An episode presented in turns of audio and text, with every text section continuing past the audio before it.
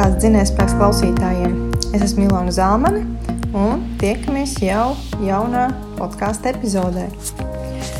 Šodienas uh, saruna un sarunas tēma uh, ir saistīta gan ar uzturu, gan ar, vispār, ar dzīvesveidu, gan ar uh, pārmaiņām, pārmaiņu ieviešanu savā ikdienā un tiekšanos uz tādu mazliet labāku sevis versiju. Bet tas, kas šajā sarunā, šajā epizodē, manuprāt, ir īpašs, tā ir diezgan vienkārša, atklāta. Es to sauktu par pieredzes stāstu. Un pavisam noteikti to nevajag uztvert kā pamācību vai kaut kādu vienīgo pareizo ceļu. Taču, manuprāt, šī saruna patiešām ir ļoti vērtīga arī ar daudz praktiskiem, vērtīgiem ieteikumiem, ko iespējams kāds no klausītājiem varēs arī izmantot, ieviest savā ikdienā. Bet uh, tas galvenais, ko no šīs sarunas es gribētu, lai ik viens klausītājs paņem, ir nevis tik daudz tā praktiskā lieta vai domas par veselīgu ēšanu, vai par veselīgu ikdienu, vai par vienalga kaut kādu tādu īpašu uzstādījumu priekš sevis. Tomēr galvenais, ko es gribētu caur šo sarunu nodot, ir doma un sajūta par to, cik svarīgi ir ne tikai veselīgs ēšana, veselīgs dzīvesveids, bet veselīga attieksme un uztvere gan pret sevi, gan pret to pašu uzturu, gan pret uh, dzīvi kā tādu. Un jā, šīs dienas sarunas viese, sarunas biedre man būs Elizabete Kupča, kas ir Healthy Living LV Instagram bloga autore. Un, jā, Elizabete man sākumā Instagram vidē uzrunāja ar skaistām ēdienu bildēm, ar interesantām receptēm, bet tad ar vien vairāk un vairāk es sāku iedziļināties uh, Elizabetes pašas stāstā un tajā, kā viņa ir nonākusi līdz tik ļoti apzinātai izpratnē. Un arvien vairāk man ieinteresēja, kas, kāds tad bijis viņas ceļš un kādām pārdomām, varbūt grūtībām viņa ir gājusi cauri, vai varbūt vēl šobrīd saskarās. Tieši tāpēc es viņu uzaicināju sarunu un lūdzu, lai viņa padalās vairāk ar savu stāstu, ar ieteikumiem ar savu pieredzi. Nu, ko klausāmies sarunu?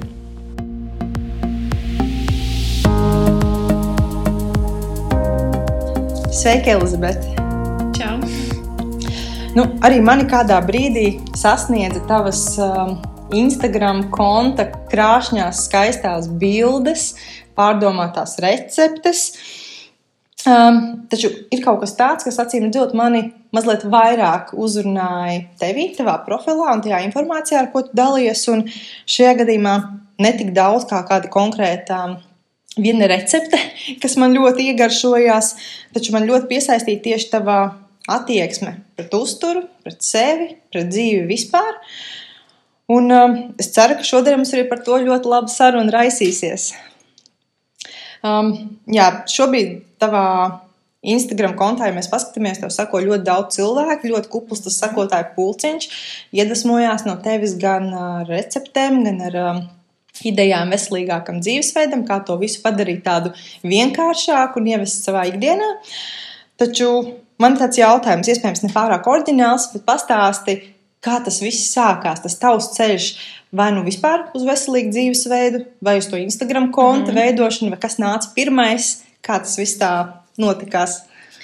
Pirmais nāca tieši mana paradumu maiņa. Sākumā bija tā, ka man bija aptuveni plus 22 kg liekais svars. Es vienkārši arī pat nejūtos labi. Es ikdienā nejūtos komfortabli un nolēmu kaut ko mainīt savā dzīvē. Protams, tas ceļš nebija viegls. Es izmēģināju ļoti daudz diētas un kaut kādas lietas, kas varbūt nav tik veselīgas, lai nonāktu līdz uh, tām dzīves posmam, kurā esmu tagad. Bet, manuprāt, man vajadzēja tam arī iziet cauri un saprast to, kas patiesībā ir veselīgs un ka patiesībā veselīgs nav sarežģīts vai dārgs. Un uh, vēlāk nāca arī Instagram profils.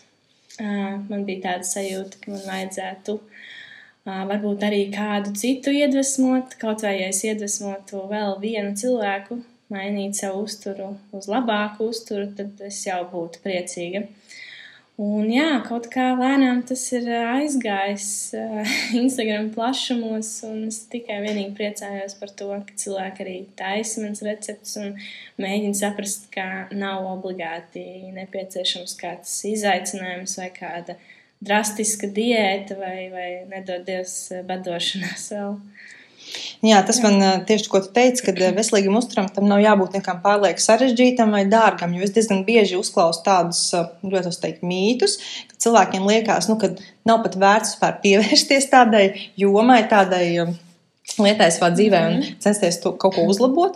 Jo veselīgi ēst tas ir tik sarežģīti, ka tad jau dzīvē vispār bez maz vai zūd jēga, ja tev katras dzīves. Uh, solis katru stundu vai dienā jāapkārto tam, ko tu ēdīsi, kā tu ēdīsi, kad tu ēdīsi, bet īstenībā tas ir tomēr mazliet vienkāršāk. Jā, es uzskatu, ka tas ir tiešām pavisam vienkārši. Visu ēdam ar mērenības sajūtu, daudz kustamies un, protams, pārdomājam to, ko mēs ēdam. Vai tas tiešām ir mums tajā brīdī nepieciešams, un tas arī viss. Bet tu teici, ka sākumā tu arī biji visādās uh, diētās vai kaut kādās tādās, uh, teiksim, alternatīvajās kaut kādās metodēs. Mm. Iemērkusi pirkstu, ja ne vēl vairāk, tā kā izmēģinājusi. Kas bija tas pavērsiena punkts, vai kā tu saprati, vai kā tu nonāci līdz tam, ko tu šobrīd jau uzskati par savu dzīvesveidu, nevis tādu īstermiņu diētu? Nu, es uzskatu, pirmām kārtām, ka līdz tam ir jānonāk. Tas nav tā, ka tu vienā dienā tiešām nonāc pie tās domas, ka, hei, viss taču nav tik sarežģīti, man nav visu mūžu jāievēro, piemēram, dikāna diēta vai, vai kaut kā, kas tur ir, es pat nezinu, atkins diēta. Bet vienkārši ir jādzīvo veselīgi, jo tas, ko mēs ēdam, tā ir mūsu veselība ilgtermiņā. Un, nu, līdz tam ir jānonāk, tas noteikti katram pašam ir tas jāsaprot. To nevar izlasīt tā grāmatā un uzreiz saprast, ka tā tiešām ir. Bet kā tas nāca? Nu, tas nāca ar to, ka es vienkārši sapratu, ka ir pārāk sarežģīti dzīvot veselīgi, un tam tā nav jābūt. Ka ir tomēr nav tik ļoti jāiespringst uz sabiedrības vēlmēm, spiedienu un prasībām, un ir vienkārši jādzīvo veselīgi un jādzīvo sev. Tas ir īsti. Un kur tu meklē informāciju, vai tu vērsies pie kāda speciālista, vai tieši kur tu guvi to ieskatu, kas ir šis eh, veselīgākais ēšanas veids. Jo man liekas, ka arī šajā ziņā cilvēkiem domas krietni mm. atšķirās. Katram tas nozīmē kaut ko savu. Kādam tie ir ļoti stingri ierobežojumi, kādam tas ir kaut kāds konkrēts laiks, ka tu drīkst, ka tu nedrīkstēs. Kādam tas ir vienkārši līdzsvars visā. Kā tev ar to? Savā Instagram sekotāju, ne, bet uh, tiem, kam es sekotāju, to cilvēku pulkā. Es principā cenšos sekot tādiem cilvēkiem, kas nepopularizē šo te uzskatu, ka obligāti ir jāievēro kāda diēta, obligāti ir uh, jāiztiek bez cukura, jāizslēdz miltī un vēl dažādi produkti, bet es sekoju tiem, kas tomēr uh, uzskata, ka ir jākustās, ir jāēd veselīgi, ir vienkārši jāpārdomā tas uzturs. Un tas bija viens no tādiem maniem avotiem, protams, arī ārzemju literatūra un ārzemju saiti, ārzemju recepšu blogi ir mani iedvesmas avoti. Un uh, arī mani eksperimenti virtuvē. Es sēdu to, kas man garšo, taču es cenšos to ēdienu konkrēto porciju padarīt veselīgāku, varbūt nepievienot kaut kādas nevajadzīgas sastāvdaļas, bet tomēr sajust tā ēdienu īsto garšu, izcelt to. Jo bieži vien daudz kur ir dažādas mērces, sāls un eļas, un es neuzskatu, ka tas viss ir pārpārējiem vajadzīgs, ka visu tomēr mēreni lietot. Uh, Un, jā, es teiktu, ka galvenais tomēr ir eksperimenti virtuvē. Manis pašs labs jūties, kaut ko apēdu un jūtos slikti. Tad tomēr tas nozīmē, ka man mm, līdz galam nebūtu jāēd tas, varbūt, ko es apēdu. Tā es arī dzīvoju, es vados vienkārši pēc savām sajūtām. Bet uh, kulinārija un ēst gatavošana, tas ir bijis tev vienmēr tāds uh, hobijs vai aizraušanās, vai arī tas nāca līdz ar to domu par veselīgāko dzīvesveidu? Man vienmēr ir paticis gatavot ēst, taču martā un aprīlī, kad sākās šis pandēmijas laiks un sākās strādāšana no mājām, es daudz, daudz biežāk sāku gatavot ēst. Un, līdz ar to vienkārši es vairāk laiku reāli pavadīju virtuvē. Vienkārši. Un, līdz ar to visu kaut ko jaunu izmēģināju, dažādus uh, produktu salikumus, tad radās receptes. Un, uh, es teiktu, ka vienkārši laiks bija pie vainas, ka bija tas laiks, kurā tu visu dienu esi mājās. Un pusdienu pauze bija tā reize, kad es taisu ēst, pēc tam vakariņas. Tā arī aizgāja. Tad uh, tev izdevās noķert arī kaut ko vērtīgu no tās visas situācijas Protams. un kaut ko Jā. jaunu tādu apgūt. Protams, noteikti. Bet tagad pati atskaties uz atpakaļ, kas bija tās galvenās lietas, varbūt, ko tev nācās izmainīt savos uzturu paradumos? Kas bija tas, kas iepriekš, varbūt, tavuprāt, bija tas, kas tevi kavēja no tās pašas svaras samazināšanas vai labākas pašsajūtas? Kas bija tas, ko tu izmainīji, un tu jūti to progresu tev vēlamajā virzienā?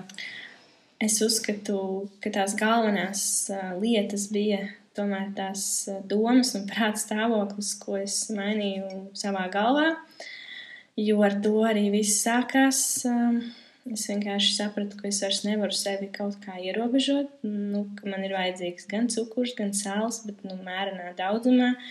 Man ir jāēd normāls, uh, silts, uh, bagātīgs ēdiens, un tas ir tikai normāli, ka tās porcijas ir, uh, ir tiešām normālas porcijas, nevis tur ir tikai viena salātlapa un kaut kāda viena mazā gaiša čēlīte. Tā kā, nu, tas arī principā tas viss. Kaut kādā mērā izklausās, ka tu sāki nevis kaut ko griezt sev nost, kaut ko aizliegt, ēst mazāk, bet tieši pretēji tev nācās ieviest jaunas lietas, ēst vairāk, ēst pārdomātāk. Es uzskatu vispār, ka liekais svars rodas lielā mērā galvā, ja tā drīkst teikt, jo arī tāpat emocionālā ēšana. Tev vispirms ir jāsaprot, kas tev izraisa to emocionālo ēšanu. Man tas bija stress, stress darbā. Uh, arī citās lietās stress. Un uh, tad, kad es sāku šo te, es to saukšu par savu svaru zaudēšanas procesu, es uh, skatījos arī uz to pusi, kas man izraisa stresu, un es mēģināju tā kā, tā kā nogriezt šīs lietas, lai viņas man neizraisa stresu. Un līdz ar to mainījās arī paradumi. Līdz ar to arī kritās svars, jo es sāku vienkārši justies labāk, man bija vairāk enerģijas arī kustēties, sportot. Līdz tam pašam, katram pašam ir jānonāk, un tā likšana klāt nenozīmē to, ka to obligāti pieņemsies svarā, un tas noteikti tā nav. Jo, nu, cik ilgi tu vari iztikt, ja tu badojies vai sevi ierobežo, tas noteikti nav veselīgi, un mēs taču to visu darām tikai, lai kļūtu veselāki, nevis slimāki. Tāpēc veselība un svara zaudēšana tas iet roku rokā, un tam ir jābūt, tam ir jābūt tādam vienam kopumam. Tas izklausās diezgan kā, kā vienkārši, ka tu saki, tā, nu, tu skaties, kur bija stress, tu centies samazināt, bet man liekas, ka ikdienā cilvēkiem tas stress bieži vien ir. Nu, Mm, protams. daudz par daudz, un bieži vien tās iespējas to stresu samazināt, varbūt nemaz nav kaut kādā mērā atkarīgs no tā paša cilvēka. Un kas, tavuprāt, ir kaut kādas tādas vienkāršākās metodas vai vienkāršākās mm. lietas, ar ko sākt, lai to stresa līmeni mazināt. Vai vismaz, ka, teiksim, tā, tur nevar ieteikt kaut ko vienu recepti visiem, bet kas bija tas, kas tev visvairāk strādāja, vai tādas praktiskas lietas, ko tu varētu padalīties? Protams, ka tas izklausās, jā, kad es to saku, tas izklausās vienkārši, bet īstenībā tas ir diezgan liels darbs ar sevi. Tas, kas man palīdzēja, ir, es piebildīšu, ka es joprojām strādāju to pašu darbu, kas man ļoti patīk, bet viņš ir diezgan stresains.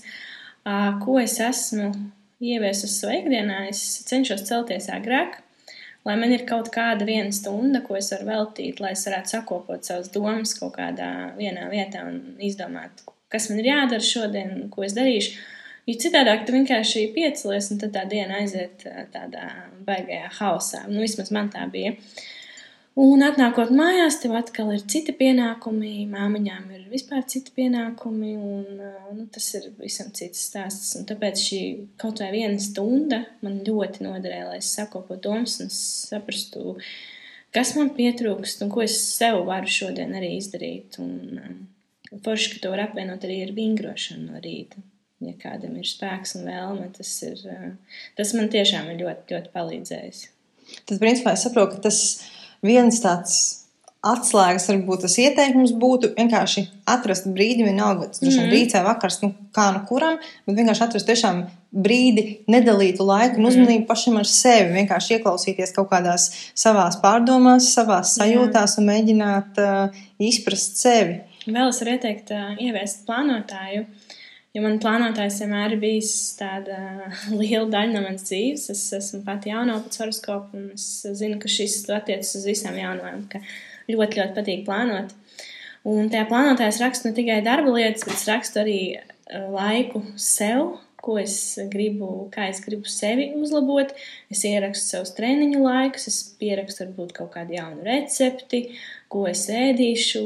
Tas, eh, tas liek man domāt eh, to, ka man tomēr ir šajā ikdienā, šajās 24 stundās, man ir laiks sev, un tas man arī diezgan palīdzēja. Tāda plānotāja ieviešana. Jo dažreiz man liekas, tiem plānotājiem tā tiešām tu plāno, tu daudz ieplāno. Bet, jo tu vairāk dari, kaut kādā vienā brīdī saproti, ka tur ir vairāk var paspēt izdarīt. Jo tos arī var godīgi pēc sevis pateikt, kad ir arī tādas dienas, kad nekas īsti nav saplānots, un kad liekas, nu tad es varēšu izdarīt to, to un vēl kaut ko. Un beigās tā diena kaut kādā mērā Mm. tiek nobumbulēta, un tad tu atopies vakarā un saproti, ka tu īsti izdarīsi nēst neko. Kaut gan ir citas Jā. dienas, kad uh, tajā pašā laikā tu vari izdarīt uh, daudz un dikti. Mm. Bet, nu, man vismaz tas secinājums, kas ir radies, ka uh, nevienmēr ir jābūt uh, super mega produktīvam, un dažreiz arī tās bumbulēšanas dienas, ka tu vienkārši atgūsties, tu novērtē, kā tas ir, ka tu vari mm. -hmm. neko nedarīt un neiespringst. Pēc tam varbūt mazliet žēl, bet toties nākamajā dienā tu atkal ar citu spāru un citu jaudu esi gatavs darīt kaut kādas. Es pilnībā piekrītu, jo arī atpūšanās dienas ir vajadzīgas. Bet uh, man ir tā, ka man ļoti patīk darboties un būt aktīvai. Un, uh, man tā enerģija, ko es varbūt izdodu, viņa man atnāk atpakaļ pēc tam. Un, uh, kā tur bija tas teiciens, ka tu dari kaut ko, un tā kā tev rodas vēl enerģija uh, no tās darīšanas, un man tā tiešām ir.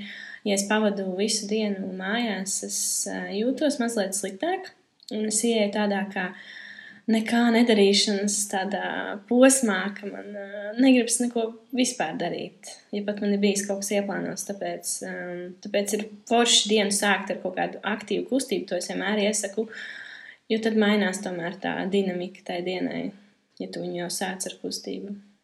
Tad tu pat arī centies tieši dienas pirmajā pusē kaut kā aktīvāk izkustēties. es saprotu, jā? tādēļ, kā atnākot mājās pēc darba, bieži vien ir tā, ka man uh, draugs uh, grib ēst, un es pati arī gribu vakariņas.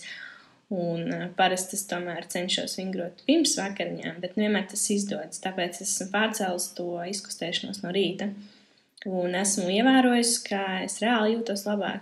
Tiešām, tad, kad es nevingroju no rīta un aizēju darbu, nu, es nejūtos tik moža un tik aktīva. un Man nav, man nav tāda enerģija un viss tā labsajūta. un Pilnīgi divas dažādas lietas. tā kā To gan es iesaku visiem darīt no rītiem. Es esmu ievērojis, ka ir cilvēki, kam izteikti ir tie rītdienas pirmā puse, kad patīk sportot, ir kam patīk vakars. Bet man pašai, kas tāds novērojums, kas varbūt gan man, gan zinu, arī citiem, kas kā par labu treniņiem dienas pirmajā pusē, vai arī pastaigā, vai vienalga, kas nu kuram tas būtu, ir tieši tas, ko tu esi izdarījis. Tas ir paveikts, un viss, un tu turpini savu dienu, un tu zini, ka tev vairāk nav jādara. Mm. Bet, ja tu kaut ko atliec uz vakaru, un jo vēlāk tu atliec, jo palielinās iespēja, ka tu beigās to neizdarīsi nemaz, mm. jo, ah, es jau esmu noguris, ah, man ir jāiet vakariņas, un pēc tam es nevaru ar pilnu vēdru neko darīt, un tad jau ir jāiet gulēt.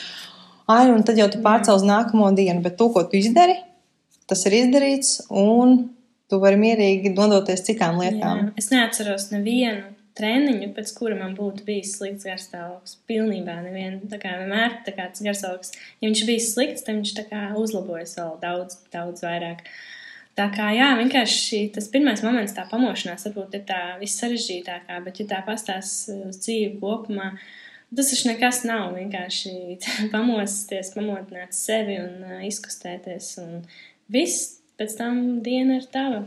Es atceros, bija arī tas teiciens, ka nav, ne, vienīgais sliktais treniņš ir tas, kurš nav noticis. Jā. Apmēram kā tā, un tur es ar tā domāju, ka īstenībā tā ir, lai kādreiz mm. būtu pašai bijis grūti saņemties slinkumus un vēl kaut kādi iemesli, bet aizejot un izdarot, nekad nav bijis nožēla un Jā. vajadzēja palikt mājās gulēt. Un nevajag jau arī kaut kādu kardio vai kaut kādus eh, svarus celt no rīta, vienkārši izkustēties, un tas jau būs ļoti daudz. Jā, es piekrītu. Man liekas, tas, tas pats, kas uztur, uzturā, ka nevajag uzreiz tiekties uz kaut kādu iedomāto ideālu un darīt visu pa 110%, bet dažreiz pietiek vienkārši sākt ar nedaudz.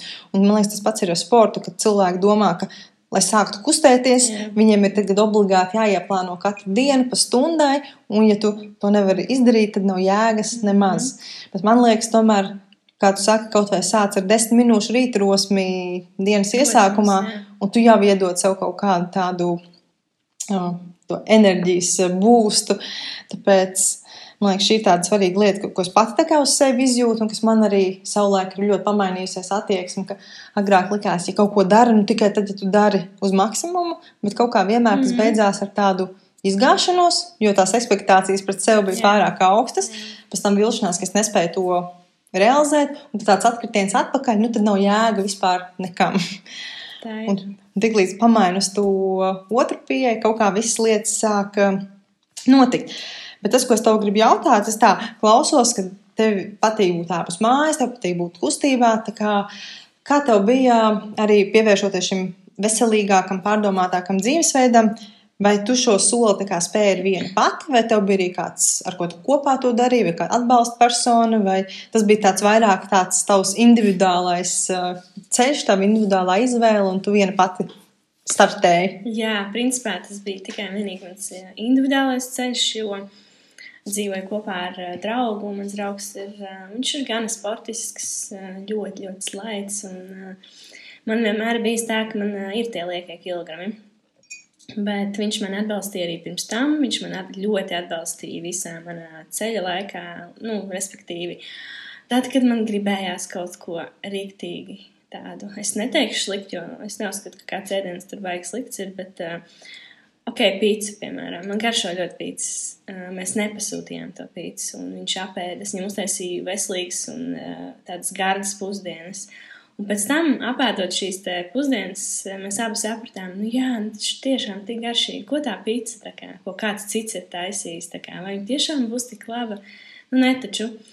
Un tad, jā, viņš man palīdzēja tādā ziņā, ka viņš atbalstīja manas uh, uztura, tā teikt, preferences, un, un, un, mēs pirkām, centāmies kopā pirkt pārtiku tādu, kas mums abiem garšo. Uh, bet eh, kas ir veselīga. Un, eh, ne, nu, tādā ziņā es varu teikt, ka mēs kopā gājām šo ceļu, bet uh, viņam ar svaru problēmas noteikti nav. Un, Viņam ļoti patīk tenisu spēlēt. Viņš man iedrošināja iet arī tenisu spēlēt. Tā kā, nu, labi, varētu teikt, jā, kad bija, bija tā atbalsta persona, protams, bet katrā ziņā svaru zaudēju es vientulībā, ja tā var teikt. Un, manuprāt, tas ir forši to var darīt arī viens, ka nav nepieciešama liela atbalsta grupa ar daudz cilvēkiem. Protams, ka tas var noderēt kādam, bet uh, man īstenībā, ja es tā padomāju, man, uh, man to patīk darīt vienatnē. Nu, es arī to sadzirdēju, ka, saka, ka nedalē ēdienas labos un sliktos ēdienos, jo, manuprāt, tā arī tāda ļoti zelta vērta doma, ko ir vērts tagad izcelt. Jo ļoti bieži cilvēki jautā, nu, kas ir tie produkti, ko var ēst, ko nevar ēst, lai pasakā viņiem, nu, kur ir tie slikto produktu saraksts, nu, kurus tad mhm. izslēgt. Un arvien vairāk, arvien vairāk tiek uh, veicināta tāda attieksme pret ēdienu kā tādu. Un, uh, laika gaitā tas paliek ar vien sīkumaināk, sīkumaināk, un beigās cilvēks sev noved tik tālu, ka viņam jau pāriest gandrīz tā bez pašpārmetumiem kļūst par tādu neiespējamo misiju, un agri vai vēlu, kādu, kuram cilvēkam ir tā vispār tā viņa iekšējā emocionālā pasaule agri vai vēl tas rezultējās kaut kādos ēšanas traucējumos un kaut kādās problēmās. Tā kā, man liekas, tas arī tāds, ko tu pateici no savas pieredzes, man liekas, ikvienam ir vērts par to aizdomāties, kā tad ir. Kāds tad ir mans redzējums? Vai es arī nemēdzu mm -hmm. kaut vai neapzinātos ēdienus dalīt, labs, slikts, jo arī par to pašu picu, kā tu teici, Pits pēc savas būtības tas ir tikai ēdiens. Nu, nekādu mm -hmm. jau mhm. ļaunumu apēsta savu reizi kopā ar draugu pulkām, patiešām izbaudot viņa mm -hmm. nenodarīs. Bet tā atšķirība tajā, kā tu pats to izvēlējies uzlūkot. Viņu var nēst, kā tu stāstīji savu piemēru, tur apēst kaut ko citu, jo tu zini, ka tavā brīdī, tajā brīdī tas varbūt būs atbilstošāks tiem mērķiem, bet tā attieksme, ar kādu to darīja. Un, manuprāt, šo ir ļoti vērts paturēt prātā. Jā, es, es pielikstu vērtības, paturpināt par to ēšanu. Ka, piemēram, ja tu ēd kādu ēdienu, es cenšos ēst viņu ar labām domām. Ja es viņu ēdīšu ar, ak, Dievs, es tur resnātu, tur, ak, Dievs, atkal es tur štampēju pīci, un tas, tas, nav, tas nav labi, tā kā vispār, tas nav ne tavām domām labi, ne tavām uzturam, nezinu, varbūt pat gremošanas orgāniem, nu, priekš kam. Vienkārši ja tu gribi tiešām to pīci apēst, nu tad apēd, bet nedomā tās sliktās domas. Un, Tas nav galīgi vajadzīgs. Jā, kā tu teici, ka svara samazināšana ir uh, daļai galvā, un arī es varu piekrist tādā mērā, ka uh, Tieši kā tu saki, ja tu pats sev visu laiku noskaņos to, ka es tur esmu tāds vai šitāds, un man tur nesanāk, un atkal es izdarīju tā, kā es tā varēju, man liekas, ka visas tās domas kaut kādā mērā arī ietekmē tos tavus tālākos uh, soļus, kad ar tādu neticību sev vai ar tādu mm. attieksmi ir ļoti grūti, manuprāt, pieņemt pārdomātus, Jā. apzinātus lēmumus, bet bieži vien tie ir tādi sevi žēlošanas soļi, mm. kas tiek spērti. Man liekas, tas, kā, kā mēs runājam ar sevi un ko mēs domājam par sevi, tas tomēr ir ļoti, ļoti būtiski. Jā. Bet uh, par to svaru samazināšanu, saka, jā, tas bija tāds tavs individuālais ceļš, bet tas, kā es no tevis saprotu, tad tev jau nebija tāda konkrēta diēta, tu necenties ne. kaut ko ievērot, tu vienkārši pamainīji savu dzīvesveidu. Jā. Tu sāki ieviest kaut kādus jaunus, labākus paradumus, un tā svara samazināšana principā nāca kā tāds patīkams papildus bonus. Jā, bet vienīgais, ko es varu piebilst, es biju apbruņojusies ar pacietību. Jo, protams, kā ja es tur būtu ievērojis kaut kādu diētu, varbūt man tas svars būtu kritis ātrāk nost. Um, bet uh, ievērojot tādu mērenu uzturā maiņu uz uh, labākiem paradumiem, protams, ka tas svars krita lēnāk, bet viņš nokrita. Un es jutos daudz labāk, un uh, man nebija nevienā brīdī tāda sajūta, ka es sev baigi ierobežoju, vai es kaut ko sev aizliedzu, un ka man kaut kas ir tā kā, nē, tas ir slikts produkts, to es nevaru tas kaut kā uz mani tas vispār neiedarbotos, jo tas, kas man ir aizliegts, man tieši gribās to vairāk. Tā kā, nu, tāpēc, jā, pacietība tā ir. Nu, Ir grūti, bet nu, to var visu izdarīt, un pēc tam vispār tu negribēsi vairs atgriezties atpakaļ tur, kur tu biji. Jā, es tev piekrītu, pacietība. Tas man liekas, tāds viens no arī vēl viena atslēgas vārds, kas būtu mm. jāpatur prātā, jo nu, liels pārmaiņas nenotiek vienas dienas, vienas nakts, vienas Jā. nedēļas laikā. Un, un cilvēkiem jau tomēr bieži gribās to ātro rezultātu, un tāpēc ir tie visi 30 dienu beach body plāni mm. un 7 dienu diēta, kur nomet 7 kg un vēl nezinu, kas uh, redzēts un Jā. dzirdēts un pieredzēts. Un cilvēks, manuprāt, vilina tieši tā doma, nu tad es ātri, ātri kaut ko izdarīšu, kaut ko panākšu, un nu, nu, tas rezultāts mm. man tagad būs uz visu dzīvi. Bet man pašai viens tāds ļoti, teiksim, mīļš fakts, vai kas man ļoti spilgti ir iespiedies uh, prātā, uh, es lasīju grāmatu Way Lost Forever, un tur bija teikts par to, ka Tad skumjā statistika, ka cilvēki, kas cenšas zaudēt svaru, ir tie, kuriem tas veiksmīgi izdodas. Ja skatās ilgtermiņā, kas ar šiem cilvēkiem notiek, tad mm trīs gadu griezumā tikai pieci cilvēki ir noturējuši šo rezultātu, bet cik tur 95 aptuveni ir atgriežušies atpakaļ, vai liela daļa pat pieņēmušies svarā mm vēl vairāk. Jo noteikti pretējais efekts, tu ātri, ātri vai tu kaut ko dari Bet tu neveic tādas paliekošas izmaiņas. Tu, tu nomet to svaru, pēc tam domā, nu viss, es esmu gatavs atgriezties atpakaļ savā ierastajā mm. ritmā. Un noteikti tas pretējais, tas, ko varbūt cilvēki negaida. Ka, ja tu atgriezies pie veciem paradumiem, arī tavs vecais um, ķermeņa formas vai svars vai vispārējais arī kādā brīdī sāk atgriezties atpakaļ. Un, un tajā brīdī sāc aizdomāties, ka varbūt tiešām ir vērts domāt par viņu paliekošām izmaiņām, kā tu saki, es tev neprasu nekādus ierobežojumus, mm -hmm. es mhm. neprasu piespiešanos, nekādas pārmērības, bet tu atrod to variantu, kas dara tev pašai. Jā, man patiesībā ir ļoti, ļoti žēl, ka ir nu, es saprotu, kāpēc pasaulē ir diētas, protams, bet man ļoti žēl, ka cilvēki joprojām tic tam diētām.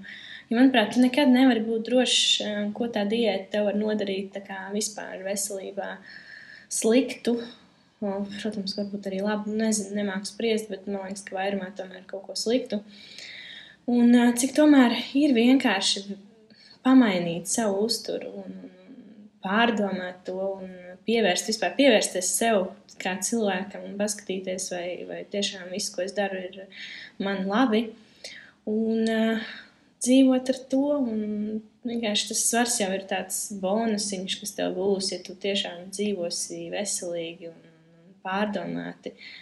Galvenais jau ir tā pati veselība. Nu, ja gribās, ja gribās tiešām iztērēt naudu pēc tam vēl kaut kādiem simts izaicinājumiem, vai es nezinu, sliktākā gadījumā ārstiem un, un, un kaut kam tādam, nu, tad, tad var ievērot tās diētas. Bet, nu, škam, Nu jā, par diētām. No nu, manas puses, pateikt to, ka es uzskatu, ka svarīgs, protams, ir konteksts un kas tā ir par diētu un kādā gadījumā, kādā situācijā cilvēks viņu ievēro. Un varbūt tā ir kaut kāda ārsta kā nozīmēta mm, un jā, veselības protams, kaut kādi apstākļi prasa. Tas ir cits stāsts, bet mēs šobrīd vairāk runājam tieši par to, ka cilvēki Tīri kaut kādā zaudēšanā vai svara zaudēšanā atrod kaut kur internetā mm. vai kaut kur vienalga izlasa, padzird. Izslēdzam to, izslēdzam šito. Vesels cilvēks bez nekāda pamata sāk tagad izslēgt vesels produkts mm. vai produktu grupas, sāk dzīt sevi stresā, kaut vai to pašu cukuru, kas, jā, varbūt nav mums pirmā nepieciešamība tādos apjomos, kā tas lielākoties tiek ēsts, bet tik un tā uzliek sev šo ierobežojumu, dzen sevi stresā,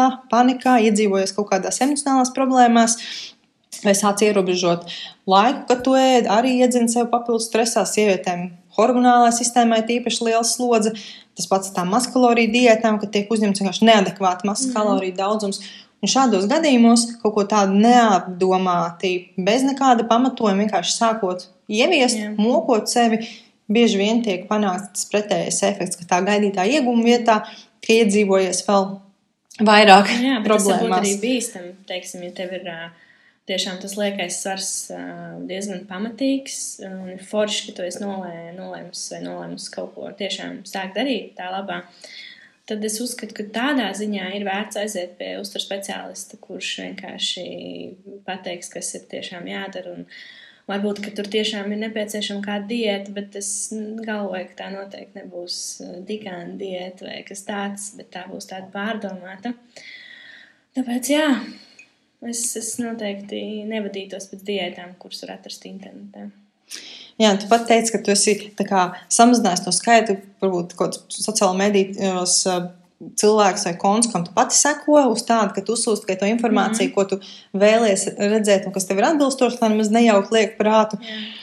Man liekas, ka tas arī tāds viens, ko cilvēki varētu ņemt vērā un praktiski pāanalizēt, kas ir tas saturs, ko viņi mm -hmm. dienā patērē. Jo es pati zinu, ka man tas saturs ir dažāds un man dažreiz vienkārši interesē redzēt. Uh, to citu viedokli vai to citu mm. teoriju, un ko cilvēks saka un kāpēc, un cik daudz cilvēku tam teiksim, pavelkās līdzi, un kādi ir tie argumenti. Man tas tā tīri profesionāli interesē pāranalizēt, mm. bet īstenībā kaut kādā mērā tas brīžiem iedzen tādās diezgan depresīvās sajūtās. Un vispār es tāpat ne, nevaru saprast, vai tas tā vienmēr ir bijis, vai tagad pēdējos laikos. Nu, ļoti ir aktualizējies tas diētu kults un ēšana, un mm. tas ir tāds kaut kas. Um, nezinu, daļa no mūsu vispār kultūras. Un, ja tu neesi uz kaut kādas diētas vai savu kaut ko neierobežo mm. vai neaizliedz, bet mums tev tā kā tiek atņemta viena personības šķautne. Yeah. Un kā tev šķiet, nu, kas ir tas galvenais iemesls, kāpēc tas tik ļoti ir uh, aizgājis, kāpēc cilvēki ir pavilkušies uz to vispār? Pasaule mainās, un, manuprāt, tie sabiedrības uzskati tagad ir vēl spilgtāki kā, kā nekad vispār, ka tev ir tiešām uh, jābūt stilīgam. Mm, stilīgs drēbes var vilkt tikai cilvēki, kas ir noteikti ar noteiktām auguma aprisēm. Un, un, un tiešām tādi fitnesa treneri, un es nerunāju par tiem vienkāršiem treneriem, bet tiem, kas varbūt iet uz sacensībām, ka cilvēki tomēr grib viņiem līdzināties, kas, protams, nav patiesībā baigi slikti, bet aiziet tādās galējībās, nu tas gan nav labi. Un, uh, Man grūti par to spriest. Es vairāk uztraucos par to, ka tagad ir tas cukuru kults. Visi grib izslēgt cukuru no uztura. Bet uh, vai tad mēs visi negribam kopumā būt vienkārši laimīgi savā ādā? Un, uh, ja tu vari kā, izdomāt veidu, kā būt laimīgs savā ādā, bet sevi neierobežot, jo kas, nu, kāpēc tu gribētu sevi ierobežot, bet kā būt laimīgs, nu, tu nebūsi līdz galam laimīgs ikdienā. Tā kā ir vērts par šo padomāt, vai tiešām tās diētas, tie cilvēki, kam mēs sekojam, kas popularizē šīs diētas, vai tas ir tā vērts, vai viņi to dara kādu cēlu mērķu dēļ, vai varbūt vienkārši lai, lai pelnītu naudu.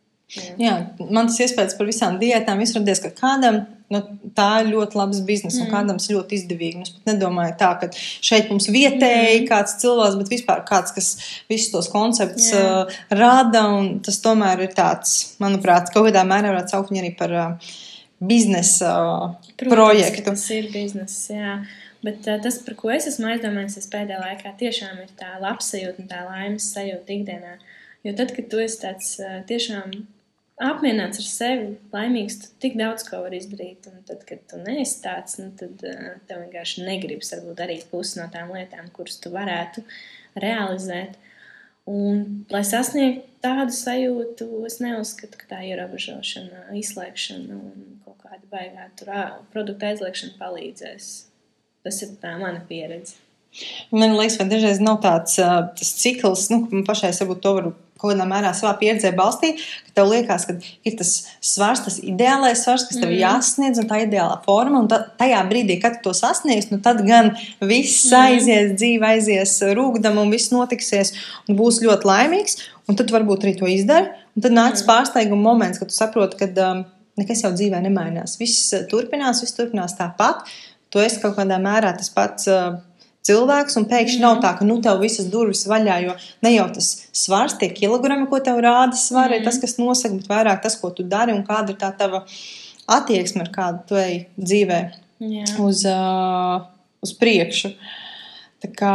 Es varētu filozofiski par to runāt, man liekas, stundām ilgi, jo es ļoti daudz par šo pēdējā laikā aizdomājos tieši par to labsajūtu un par to, ka cilvēki domā, ka viņi notievē tiešām veids kaut kādas vizuālās pārmaiņas, un tad pēkšņi viss pie viņiem atnāk. Bet uh, principā jau ir tā, ka parādās tas mirdzums acīs un tā vēlme darīt un, un, un, un iesaistīties un būt atvērtam, un tad viss atnāk pie tevis nevis tikai tā, ka tu esi notievējis. Jā, jo man liekas, šī ir diezgan laba tēma, jo tam arī man pašai man nav nekas pret pamatotu un uh, ar veselīgu pieeju svaru samazināšanu mm -hmm. cilvēkiem, kas to ir izvēlējušies, kas kaut kāda apsvēruma dēļ vai pašsajūta, veselība vai arī izskats. Jā. Tas ir pilnīgi ok, bet man tieši vairāk tā attieksme parasti uztrauc. Tāpēc arī, piemēram, vienalga, vai te būtu treniņu kontekstā, vadot cilvēkiem, dodot tādu stimulu, sākt vairāk uztēties, es ļoti cenšos kā, to svara samazināšanu vai tieši to svara pusi kā, neuzsvērt. Ka tas nav tāds pašmērķis un tas nav galvenais iemesls, kāpēc vispār būtu nepieciešams mm -hmm. kustēties vai galvenais iegūms. Un cilvēki bieži vien arī sāk kaut ko darīt, sāk kustēties, jūtas labāk, jūtas stiprāk, jūtas izturīgāk, un kaut kādā mm -hmm. brīdī tiek piefiksēts arī tas pozitīvais Jā. efekts, ka tas izskats, tas svars, tas jau nekur nepazūd. Tas tev, tas tev tik un tā mhm. notiekās, bet tikko tu neizvirzi to varbūt par tādu galveno tā, pašmērķi un katru mm. dienu nesāc ar domām par to, ka vai tu atkal tur neesi pieņēmies, nokrities vai vēl kaut kas, kaut kādā mērā tas aiziet tā dabiskāk. Mm. Tas ir tāds mans novērojums, es nezinu. Pilnībā piekrīt. Jā. Bet, protams, ir cilvēki, kam kam tas ir ļoti svarīgi. Un tad, jā, tad man pašai pie sevis ir tāds filozofisks pārdoms mm. par to, cik bieži šie cilvēki sasniedzot to mērķi, cik bieži viņi tiešām jūtās tā, kā viņi bija domājuši, ka viņi jutīsies. Vai, vai tajā brīdī nepienāk tas punkts, ka tu saproti, ka ne fiziski, ne arī emocionāli viņi nemaz vairs nav tik, jā. tik laimīgi, kā viņi bija iztēlojušies, ka būs. Bet jā, vēl par to cukuru, ko tu arī iepriekš minēji, kas man arī liekas tāda interesanta tēma, jo lielākoties ir tā, kā saka, ka cukurs tas ir um, briesmīgākais, kas var būt, nu, kāds tiek pasniegts, un arī tas iedzen cilvēks tādā stresā. Ir vieni, kuriem ir pilnīgi par to vienalga, un tad ir otri, kuri pat skaita un domā, vai viņi atļauties apēst tur uh, kaut kādu augli. Un tad arī šeit man kaut kā liekas, ka ne jau tas pats cukurs ir tas galvenais vainīgs, bet tas daudzums, tas kvantums, kāds ikdienā cukurs tiek mm. patērēts. Viņš tiek visur likts klāt, gatavās receptēs, nopērkamos produktos, un beigu beigās ne jau tas cukurs pats par sevi, bet tas apjoms ir tas, kas Jā. bieži vien rada problēmas. Un, bet kaut kā cilvēkiem vieglāk ir visi, ja sev aizliedz, nu tad pavisam. Jā. Es varu pastāstīt, kā man bija pavisam, pavisam agrāk, es nezinu, man liekas, vidusskolas. Vidusskolas, un tad arī universitātes laikā, kad man dīkti garšoja bulciņas izsādes. Un nevis es apēdu vienu pulciņu saldo, bet es apēdu kādas trīs vai četras. Līdz ar to nu, tur ir, nav divu domu, tas ir par daudz. Vienkārši, ja tu uzņem to cukuru, nezinu, pie kafijas, tev gribas kaut kādu cepamiņu no apēdu, viss tas ir ok bet tu apēdīsi uzreiz visu kasti ar cepumiem, nu, tas, tas nav ok. Tas vienkārši tam jābūt uh, veselīgai uzturē par to cukuru. Viņš tāpat visur ir. Visur pievienots ir lielā mērā, ja vien tu nepārtiec tikai no saldinātājiem, bet uh, izvairīties tā baigi no viņa nemaz nevar. Vienkārši pārvērtē, vai tev vajag piecas končas, vai tu vari tomēr vienu konču apēst. Tu apēdi to vienu konču ar tādu labsajūtu pie kafijas. Nu, pavisam cita lieta. Es domāju, kāpēc cilvēkiem tik ļoti gribās sevi ierobežot, kaut kāda tāda, es nezinu, vēlme sevi ielikt kaut kādos rāmjos, vai tā nepārliecība, ka cilvēks spēs, tā kā tu saki, atturēties un apstāties mm -hmm. pie tās vienas būciņas vai pusbūciņas, bet ka vajadzēs uzreiz tās četras. Kas tas ir tas, um, tas pamats, kāpēc ir tā vēlme sevi nu, nogriezt tā līdz ar galiem? Es domāju, ka tas ir tas pats darbs ar sevi. Vienkārši. Es mēdzu arī pati ar sevi parunāties iekšā domās. Tā kā manuprāt, tas ir pilnīgi normāli. Tur sev parunājies un pas, pastāstīja, man tiešām vajag šito, vai es drīzāk varu apēst kaut ko tādu, kas ir sātīgāks, bet labāks tādā ziņā, uzturvērtības ziņā labāks. Uh, Vai man tomēr vajag apēst to, to paku ar tām končām, kas man nedos ne sāta sajūtu, kas vienkārši apmierinās tādu ātro kaut kādu emocionālo spriedzi.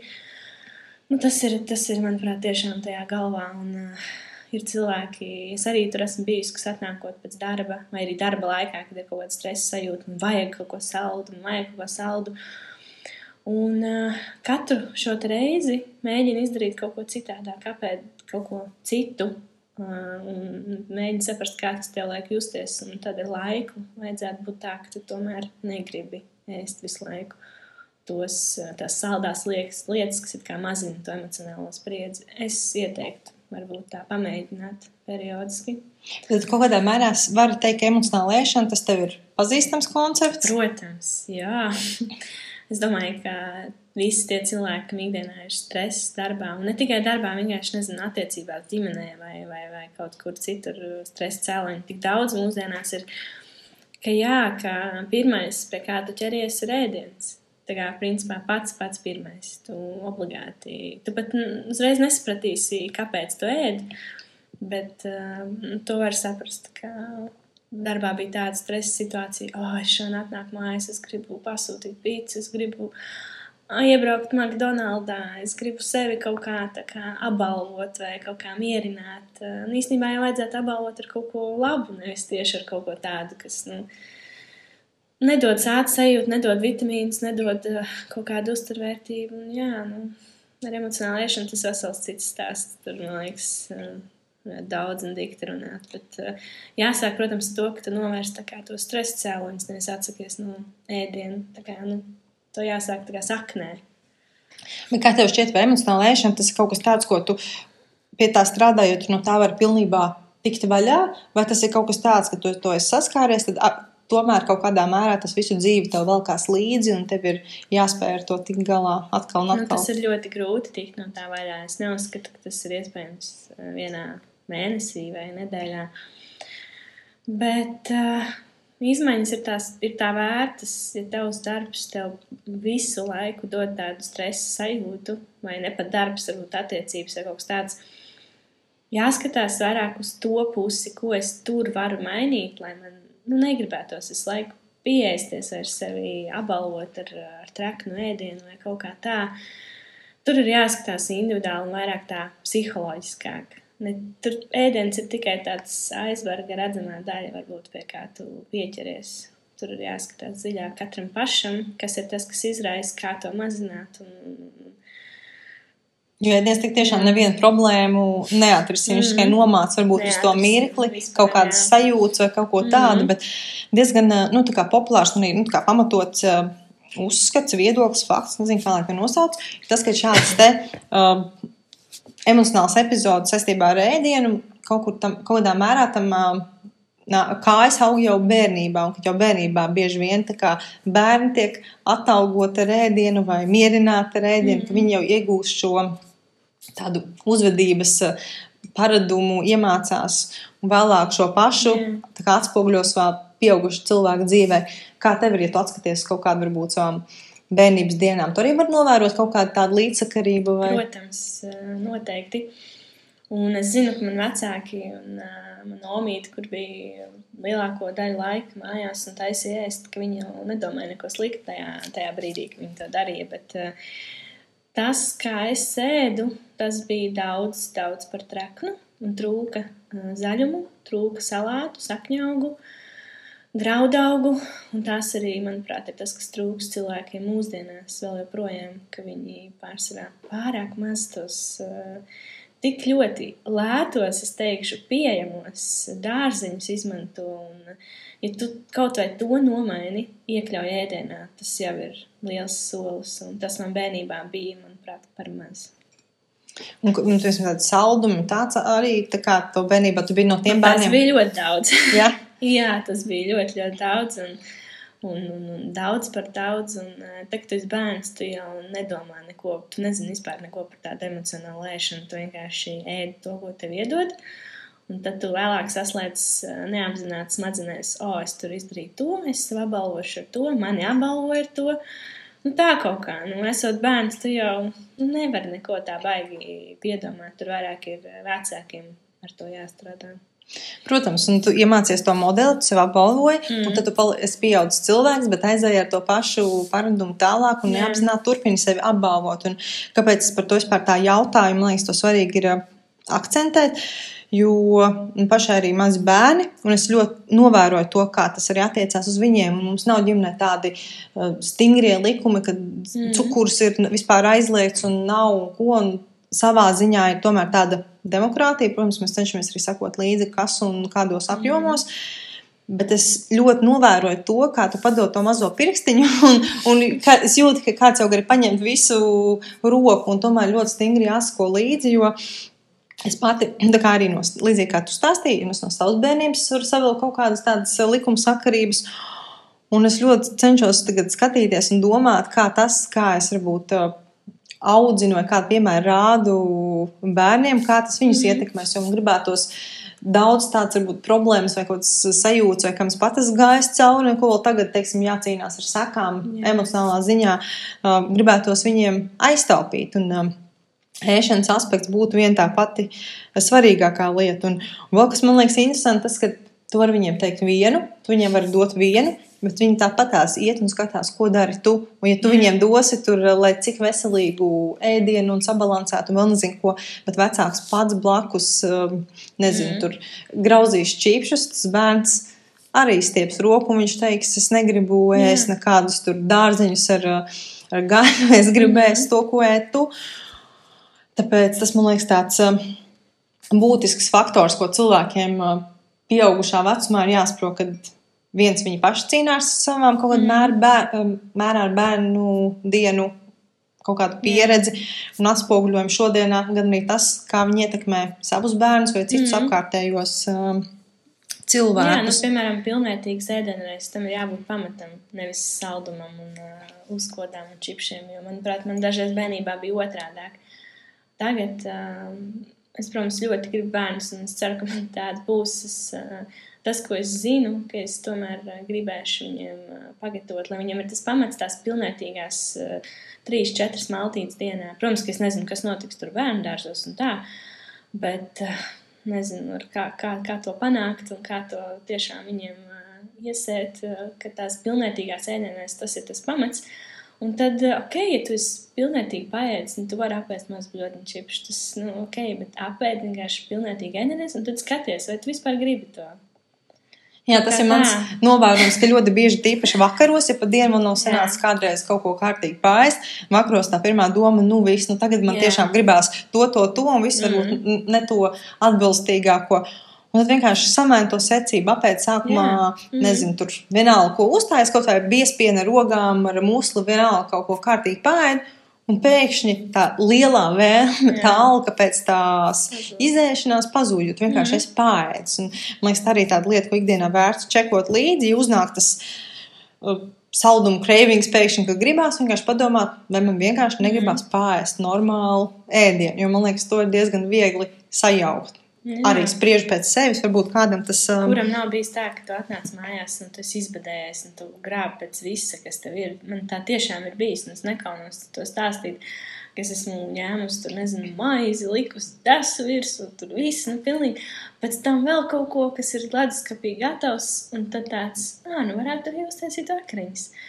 Nu, ir jāpēta pa, pa dienu, tam pusdienām ir jābūt. Un, tev nav laika pēst pusdienas turi somā kaut ko, kas tev var vismaz to izsalkumu remdēt, lai nav tā, ka tu atnāc mājās un apēd, nezinu, cik tās kalorijas ārprātīgi daudz un, un tu ēdienu arī visu kopā.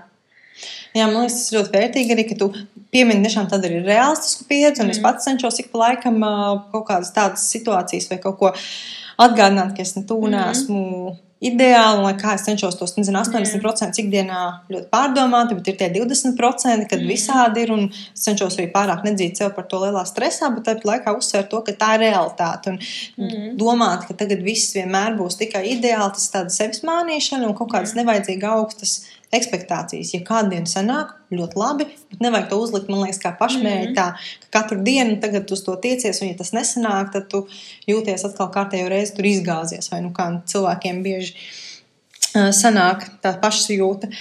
Bet um, varbūt vari tagad tā ļoti praktiski pastāstīt vēl. Kas bija tās lietas, vai ko tu šobrīd ievēro par uzturu, piemēram, plānojot maltīti, ko tu iekļāvi? Nu, tu teici, dārziņu, tu centies piedomāt, kas, kas vēl var būt, kas ir tādi produkti vai nu, pēc kā tu vadies? Jā. Tīri praktiskās uztura lietas. Noteikti, ka tu un uzturu speciālists varēs apstiprināt, varbūt arī nē, šo manu teoriju, ka iekļaujot tās olbaltumvielas ēdienreiz, tomēr mazāk gribas ēst pēc tam. To es esmu izbaudījis uz savas pieredzes, jo agrāk es olas brokastīs nēdu. Es pat nezinu, kāpēc. Kaut gan ļoti, ļoti, tagad man nenormāli garšo olas tiešām visos veidos. Uh, Un tad, kad es sāku brokastīs ēst olas, protams, ka arī zaļumus kaut kādus, varbūt biespienu, man ļoti garšo vaipienu biespiens. Un, un es čekoju, lai ir tās olbaltumvielas, jo man pēc tam negribas ēst. Un agrāk bija tā, ka man bija pirmās brokastis, un pēc tam man bija otrās brokastis, nu, kur es pat nezinu, cik daudz sapēdu. Nu, ļoti daudz, tiešām nevajadzīgi daudz. Vienkārši tāpēc, ka es nebiju tajās savās pirmajās brokastīs apēdus kaut ko, kas man dod sāta sajūtu. Uh, Tas man ir ieteikums tiešām molas, zivis, vistu. Man ļoti garšo tītara gaļa. Skatīties, dažādot un pastīties, lai katrā maltītē ir tās olbaltumvielas. Par to noteikti var iegūt informāciju internetā. Viss kaut kur ir rakstīts, kur produkti satur olbaltumvielas un kas, kas ko cik. Un nākamais ir dārzeņi. Es tā kā skatos vairāk, lai ir sezonālai dārzeņi. Skatos, lai tā maltīte nav tā kā nenormāli dārga, lai viņa vienkārši un veselīga. Un tad klāt parasti es lieku, ja mēs runājam pusdienām vakariņām, man skapītī ir gan kvīnoja, gan rīsi, gan makaroni, gan turkuziņu pasta. Lai būtu tā dažādība, jo arī makaroni ir labi, tad viss kārtībā vienkārši varbūt. Uh, nevajag katru dienu to sēst. Un vajag vienkārši pamainīt, lai ir dažādība, lai ir interesants maltīts. Un, jā, tas ir tā dažādība, olbaltumvielas un pilnvērtīgums, lai ir viņas tādas sātīgas, gardas, lai nav tā našķošanās starpā. Jā, nu, ja prasa tā kā man, es pilnīgi noteikti tev varu piekrist, un tas ir, manuprāt, viena tāda lieta, par ko īpaši arī nestrīdās, ja par daudz ko strīdās, tad uh, olbaltumvielas, jā, tas tiešām sniedz to sāta sajūtu un uh, arī daudz citus labumus, sniegumus veselībai. Par to mēs tagad droši vien neiesim uh, runāt, jo tur arī saruna izvērsties gara un mm. plaša un ļoti tāda, teiksim, zinātniska, bet, nu jā, tāda citā virzienā, kā šodien varbūt mums tā saruna ir ieskrējusies, bet uh, noteikti man liekas, ka tā ir tā lieta, ko ikdienā cilvēki bieži vien domā, ko sākt, ko pamēģināt vai uzturēt. Vienkārši piedomāt pie tā, vai katrā, katrā ēdienreizē tiešām ir tas viens obaltumvielu avots. Jo apēst uh, taukus ir ļoti viegli, apēst ogļhidrātus ir ļoti viegli. Obaltumvielas parasti ir tā mm. daļa, par kuru ir jāpiedomā un kura nejauši šķīvi nenonāk. Tā, kā, tā man liekas, ir tā viena lieta. Tiešām, ko var sākt, Par dārzeņiem tas arī, manuprāt, ir mm -hmm. otrs aspekts, kad uh, bieži cilvēkiem liekas, ka dārzeņiem pietiek ar divām gurķa šķēlītēm, šķīvi malas, vai kā mm -hmm. jā, jāēd ārpus mājas, ka tur tāda maza piciņa kaut kādiem salātiem, šķīvi malā, mm -hmm. tāda majonēzē izmērcēta, un ka tas ir tā dārziņu daba, bet kad īstenībā tos dārziņus var ēst krietni vien uh, vairāk. Un, uh, un arī dod sēta sajūta ļoti labi. Tā kā jā, un, un par dažādību, par to es arī varu piekrist, jo lai cik ļoti kāds viens produkts vai lieta, manuprāt, būtu laba un vērtīga, bet tādu tikai to vienu lietu, un mm. tev mhm. nekādā veidā nebūs tāds līdzsvars un līdzsvars, ar to vienu lietu tu sev nenodrošināsi visu. Tāpēc arī tas pats solis ir tāds katrā ēdienreizē, man liekas, nu, tas arī īsti par balansu to vairs nenosaukt. Visas tās lietas, ko tu nosauc, es tikai varu māt ar galvu, to neredzēs. Es to varu tikai pateikt, es māju ar galvu un uh, piekrītu, ka es pats par to domāju. Un, ja kāds cits cilvēks prasītu, noteikti šis būtu arī viens no tām pirmajām lietām, ar mm. ko iesākt. Un, Vēl ēšana, piemēram, mierā un klusumā, un ne tādā steigā. Tas vēl ir tas, ko es ievēroju, vēl tas, ka es cenšos neēst pie televizora. Es, tad, kad es ēdu, tad es burtiski skatos savā šķīvī un, un domāju tikai par to ēšanu.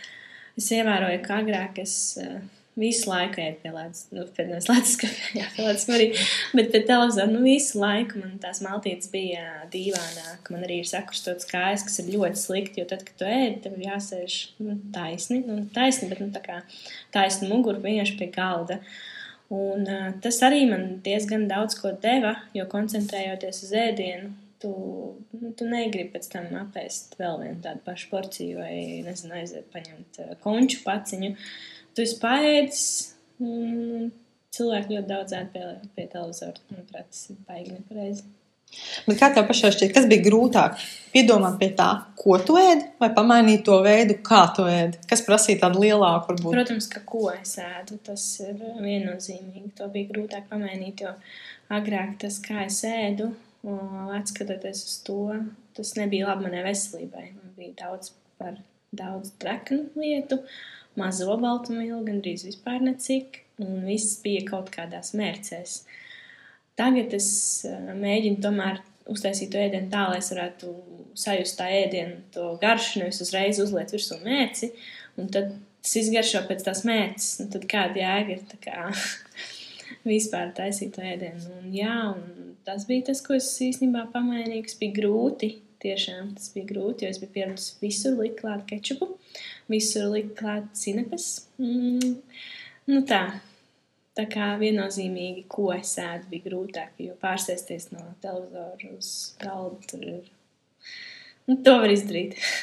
jo man pašai laikam daži brīdi šķiet, ka grūtāk ir piedomāt pie tā, kā tu ēd. Jo Jā. man arī, ko tu saki, arī es varu godīgi teikt, ir reizes, kad es sēžu pie televizora un ēnu pat nepamanu, kurā brīdī jau esmu visā mm. pēdus, un pēc tam es domāju, ārprāts, nu kāpēc tā vajadzēja darīt, varēja tik normāli apsēsties. Bet tajā brīdī kaut kā liekas, ka nav laika, un tā būs vieglāk, un tā tālāk, un kaut kāda iemesla attaisnojuma, kāpēc, mm. kāpēc neapsēsties mierīgi pie galda atradīsies. Bet tas piekrītu, tas ir svarīgi, un man tas, piemēram, sagādā tādu tiešām visvairāk tādu piedomāšanas eh, vajadzību.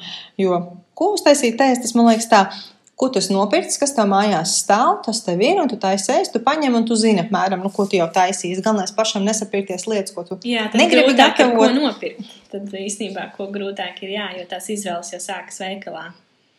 Bet, nu, tā, kad tu no tā veikala esi laimīgi ticis mājās ar tiem produktiem, ko tu pats jā. uzskati, ka tu gribēs, tu gribi gatavot, tev garšo, un tie būs tev vērtīgi. Tad, kad tev mājās būs, tad jau tu nekur vairs no viņiem nespruks. Mm. Galvenais, lai nav tā, ka sapērcies vēl nezinu ko. Jo yeah. es reiz ievēroju, ka pēc kaut kādiem svētkiem, vai kad ir bijuši ciemiņi un sanest visādas saldumi un končus, un kaut kāds tāds pat, kas varbūt maz līdz galam īsti negaršo, mm. vai ko es pat nepirktu, bet tajos plauktos viņi ir un stāv. Un kaut kā laika gaitā viņi Mhm. visi arī noplok. Lai gan es neteiktu, ka tie ir mani mīļākie saldumi, un par saldumiem mm. -hmm. es vispār cenšos būt teiksim, tā piekasīga, un ja sēdu, es cenšos ēst tos, kas man tiešām garšo. Nevis tos, kas vienkārši ir, Ir. un garšo pēc kaut kāda tāda ne īsti šokolādes, ne īsti kā. Bet es tiešām gribu kvalitatīvu un tādu, kas sniedz to sajūtu, to garšu, pēc kā es tiecos. Bet, um, jā, tā kā atcerēties, tad vēl viens ieteikums praktiskais, ja kāds klausās un domā, ko tad varētu pamainīt vai izmantot savā ikdienā. Sāk plānot kaut kādā mērā savus pirkumus, domāt, mm. -hmm. ko tu pirksi, ko tu no tā gatavosi. Un, Jā, es ļoti iesaku plānot ēdienreizes vispār kā tādas. Tas pirmkārt ir lētāk, un tas ir labāk mums un mūsu veselībai. Protams, ka tas prasa kaut kādu tavu laiku un, un iesaisti, bet eh, nu, šis ir kaut kas tāds, kam ir vērts piesaisties un arī par to reāli padomāt.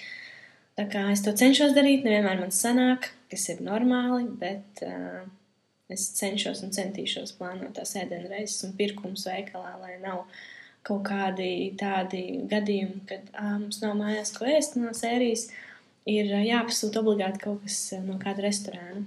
Protams, kas mājās gatavots ēdiens būs vislabākais. Nu, Nevar zināt, ko tajā restorānā tev tur uztaisa. Tāpēc, jā, jācenšas izvairīties.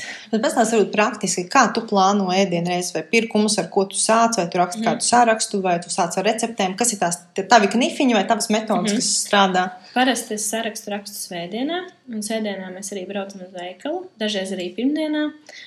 Un sāku es ar to, ka es izdomāju, ko katru dienu varētu ēst, un tad es tā ar blociņu apsteigāju savus plauktiņus un skatos, kas man mājās ir, ko varētu kā nepirkt tomēr, kas ir, piemēram, no piedevām, kas man trūkst.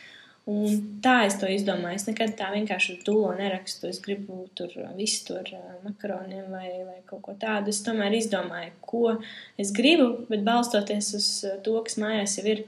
Man ļoti nepatīk, ka paliek produkti veci, leduskapī. Mēs cenšamies tomēr visu apēst. Un, un, un tas ir tas, ar ko būtu jāsāk. Jāstāsta, kas tev mājās ir. Uh -huh, labi, tu uztaisīsi, tad, uh, tu izpēti, Mhm. kas tev ir, tu uztaisīsi sārakstu, ko varētu piepirkt klāt, ko tu Mhm. gatavosi. Un tad tu gatavo uzreiz kaut kā vairākām dienām, vai parasti tev sanāk, gatavo katrā jaunā dienā, vai kas ir tas Cenšos tavs? gatavot vairākām dienām, bet daudzreiz nesanāk. Jo mēs dzīvojam divi cilvēki, un mums abiem gribās ēst īpaši draugam. Tomēr kā vī- vīrieši ēd vairāk, manuprāt. Bet visā visumā, jā, es cenšos tomēr uztaisīt sev līdzi darba pusdienas. Man tas ļoti bieži arī nesanāk. Bet nu, tas vienkārši ir jācenšas vismaz kaut kādā mērā to ieviest. Jā, tas ir.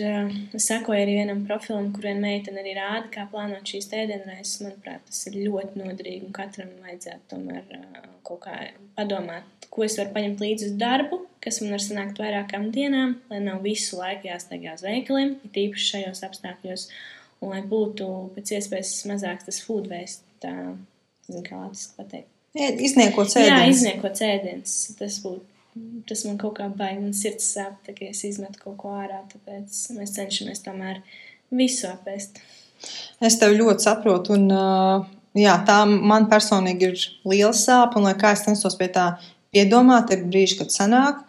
Un tad ir kaut kāda nezinu, nedēļa, kad viss aiziet galīgi neplānoti, un kaut kur jādodas, un ēšanas ārpus mājām, tie produkti tur ir. Mhm. Un tad tu attopies, ka, diemžēl, bet kaut kas atkal jāmet ārā, un nekad nav tā, ka tāda mierīga sirds to izdara, bet vienmēr Jā. par to gan man vienmēr ir tādi, nu, neliela pašpārmetuma, kad es kaut kā tomēr nesaplānoju to. Un, Pie tādas situācijas Jā. vispār nonāca. Tāpēc tas man liekas tāds arī svarīgs punkts, par ko censties uh, piedomāt. Bet par to plānošanu vēl arī mans iespējas, ka cilvēki bieži saka, nu jā, veselīgi ēst, un tas nu gan ir sarežģīti, čakarīgi, l- daudz laika paņem, kur, kuram tad laiks tik daudz mājās gatavot, un tā tālāk, tā tālāk, Jā. tā tālāk.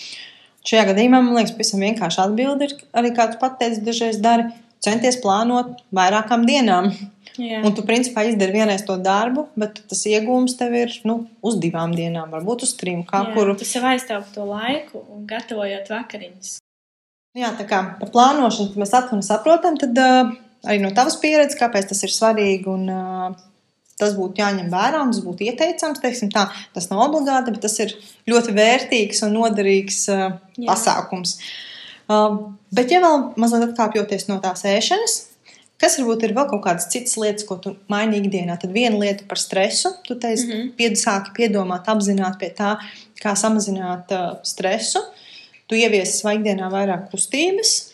Mm -hmm. Kas ir vēl varbūt miegs vai kaut kādi tādi citi aspekti? Miegs ir ļoti, ļoti svarīgs. Um, man bija viena perioda darbs, kad man bija jāatceļas augšā piecos no rīta. Un, uh, un es mājās biju septiņos vakarā. Uh, es negribētu vairs būt šādā situācijā, tādēļ es nomainīju darbu. Tas nav tas, ko es rekomendēju katram. Tas ir jāvērtē vienkārši pēc savām uh, iespējām un vēlmēm. Bet, um, bet tas man ir ļoti daudz ko devis. Jo, lai arī es aizēju ātrāk gulēt, es tāpat nu, esmu trīs stundas mājās. Tikai man ir trīs stundas laiks sev. Tas ir daudz par maz. Um, tāpēc esošajā laikā, dzīves posmē, tagad ir man labāka situācija Uh, un es ļoti cenšos pievērst uzmanību tam, uh, ka es eju gulēt uh, vēlākais 11. Un tas ir man, tas ir tas mans labsajūtas, tas posms, kurā es varu izgulēties, ja es ceļos septiņos. Uh mhm. -huh. Un uh, sajūtas ir daudz, daudz labākas, jo, ja es neesmu izgulējusies, tad uzreiz varu pateikt to, ka man gribas vairāk ēst. Man, un es nezinu, kā to kā, paskaidrot, varbūt no psiholoģiskās puses vai no kaut kādas medicīnas puses, bet man reāli gribas daudz, daudz vairāk ēst. Un man grib, negribas ēst veselīgu ēdienu. Tīri no tādas uh, praktiskās puses, ko var būt skaidrojums, ka neizgulies. Kaut kādā mērā tev trūkst enerģijas, mm. tev ķermenis prasa papildus enerģiju, un tiešākais, ātrākais veids, kā to dabūt, ir ar ēdienu, visbiežāk ar mhm. cukurotu vai kaut ko tādu, kas sniedz to ātrā enerģiju. Kā, tas ir viens tāds skaidrojums, droši vien tur ir arī kaut kāds nianses un detalizētāk, bet tā vispārīgi tā ir. Un es pati to arī ļoti labi izjūtu un zinu. Tā tas ir. Un miegs, miegu nevar aizstāt ne ar ko, lai kā gribētos, Jā. ne ar ēdienu, ne ar uh, pastaigu, ne ar treniņu, ne ar labām domām, ne ar ko tu nevari aizstāt kvalitīvu miegu. Un, pienāk kaut kāds viens brīdis dzīvē, vecums tāds, ka tu saproti to, ka tā vairs nevar turpināt, nevar visu naktī, piemēram, balēties no rīta aiziet uz darbu vai uz skolu vai vēl kaut kur. Tad sāc novērtēt to, ko tev sniedz tiešām kvalitīvs miegs. Vēl kaut kādas tādas lietas, ko tas pamainīs svaigdienā, vai ieviesusi kaut kādu tādu īpašu, nezinu, tur masāžu vai kaut kāds tāds, nezinu, tur baseina apmeklējums, vai nu, kas no kuram ir. Baseins ir ļoti, ļoti laba lieta. Man ir tā, ka man, kā jau visiem mana vecuma cilvēkiem, ir skolioze. un es strādāju pilnlaika oficiālu darbu, es sēžu visu laiku. Un eh, līdz ar to man sākās eh, muguras sāpes, un līdz ar to arī galvas sāpes. Es, eh, tas jau bija laiciņu iepriekš, kad man bija tādas intensīvākas galvas sāpes. Es teiktu, kāds piecus gadus atpakaļ gāju gan pie neiroloģa, gan uz magnētisko rezonanci. Viss ir kārtībā, tikai arī, kas ir daudziem cilvēkiem, man ir sašaurināti asinsvadi, laikam, sprānas apvidū. Līdz ar to man tā ilgā sēdēšana, tas mazkustīgums, tas man vispār neiet krastā. Man sāp galva, man sāp mugura, un es neesmu nekāda. Tāpēc es sāku iet uz fizioterapiju. Uz fizioterapiju eju jau trīs gadus. Esmu ļoti, ļoti apmierināta. Mugura man nav sāpējusi, tu, tu, tu vispār. Galvas sāpes man ir ļoti reti. Drīzāk tās ir galvas sāpes, kas rodas no kaut kāda intensīva darba pie datora vai kaut, kaut kas tāds. Bet uh, fizioterapija man ir devusi tiešām ļoti daudz, jo esmu iemācījusies izpildīt uh, dažādas vingrojumus pareizi, tā lai nekaitētu sev. Jo, nu, ja tu skaties YouTube treniņus, tad vienmēr pastāv risks, ka uh, tu vari savainot savus nezinu, ceļus, taisot pietapienus vai, vai, vai ko tādu. Tāpēc es visiem, es tiešām visiem saku, ejiet uz fizioterapeitu, atrodat savu, atrodat savu fizioterapeitu, kas var jums kaut kādus pamatus dot tajā vingrošanā, jo visi uzskata, ka fizioterapija tas ir tāds, nu, pastaipīšanās, tur pacel vienu kāju, pacel roku. Nu, tur, kur es eju, es esmu arī par šo rakstījusi, ka man te treniņi ir ļoti labi intensīvi, forši, es forši pasvīstu. Man viņa ir no rīta, es jūtos pēc tam pilnīgi kā cits cilvēks, un tam visam plusā nāk tas, ka man vienkārši nesāp mugura. Bet par baseinu runājot, baseins, manuprāt, vispār ir viena no foršākajām lietām, kas ir. Protams, ka apstākļi tagad ir tādi, ka labāk uz tiem baseiniem neiet, un es šaubos, ka kaut kur kaut kas ir vēl vaļā. Bet uh, baseins un ūdens procedūras es ļoti atbalstu. Pati gāju uz zemūdens masāžām, un, un, un tas bija ļoti, ļoti noderīgi. Tā kā jā.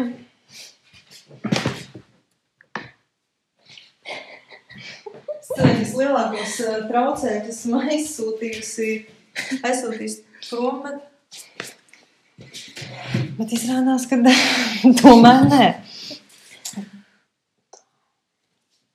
Visas drēbes beigās man tā, ka jā, nu, Yeah. sabojāts, jo vienkārši kaut skaits ar naļiem kaut kur, kaut ko Es uzstāv.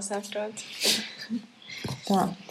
Jā, par fizioterapiju. Tas tāds ļoti labs turpinājums iepriekšējai podkāstu epizodei, kuras runāja fizioterapeitu Sandru. Mēs tieši runājam par fizioterapijas lomu un cik īstenībā tas ir svarīgi cilvēkiem, ikvienam, ka nav vajadzības gaidīt to mirkli, ka tu jau ielaidis eh, kaut kādu problēmu, tev sāp, bet ikvienam būtu vērts aiziet pie Jā. fizioterapeita, aprunāties, izvērtēt savu fizisko stāvokli, saņemt sev individuāli pielāgotus ieteikumus. Un tālāk jau var trenēties gan mājās, gan mm -hmm. pie trenera, gan zālē. Iet pie fizioterapeita brīvi pēc ieskatiem vai pēc rekomendācijām. Bet tā, tā fizioterapeita apmeklēšana var ļoti pozitīvi uzlabot tos rezultātus mm. to Mm, tas var būt kā sākums tāds vispār sportiskām aktivitātēm.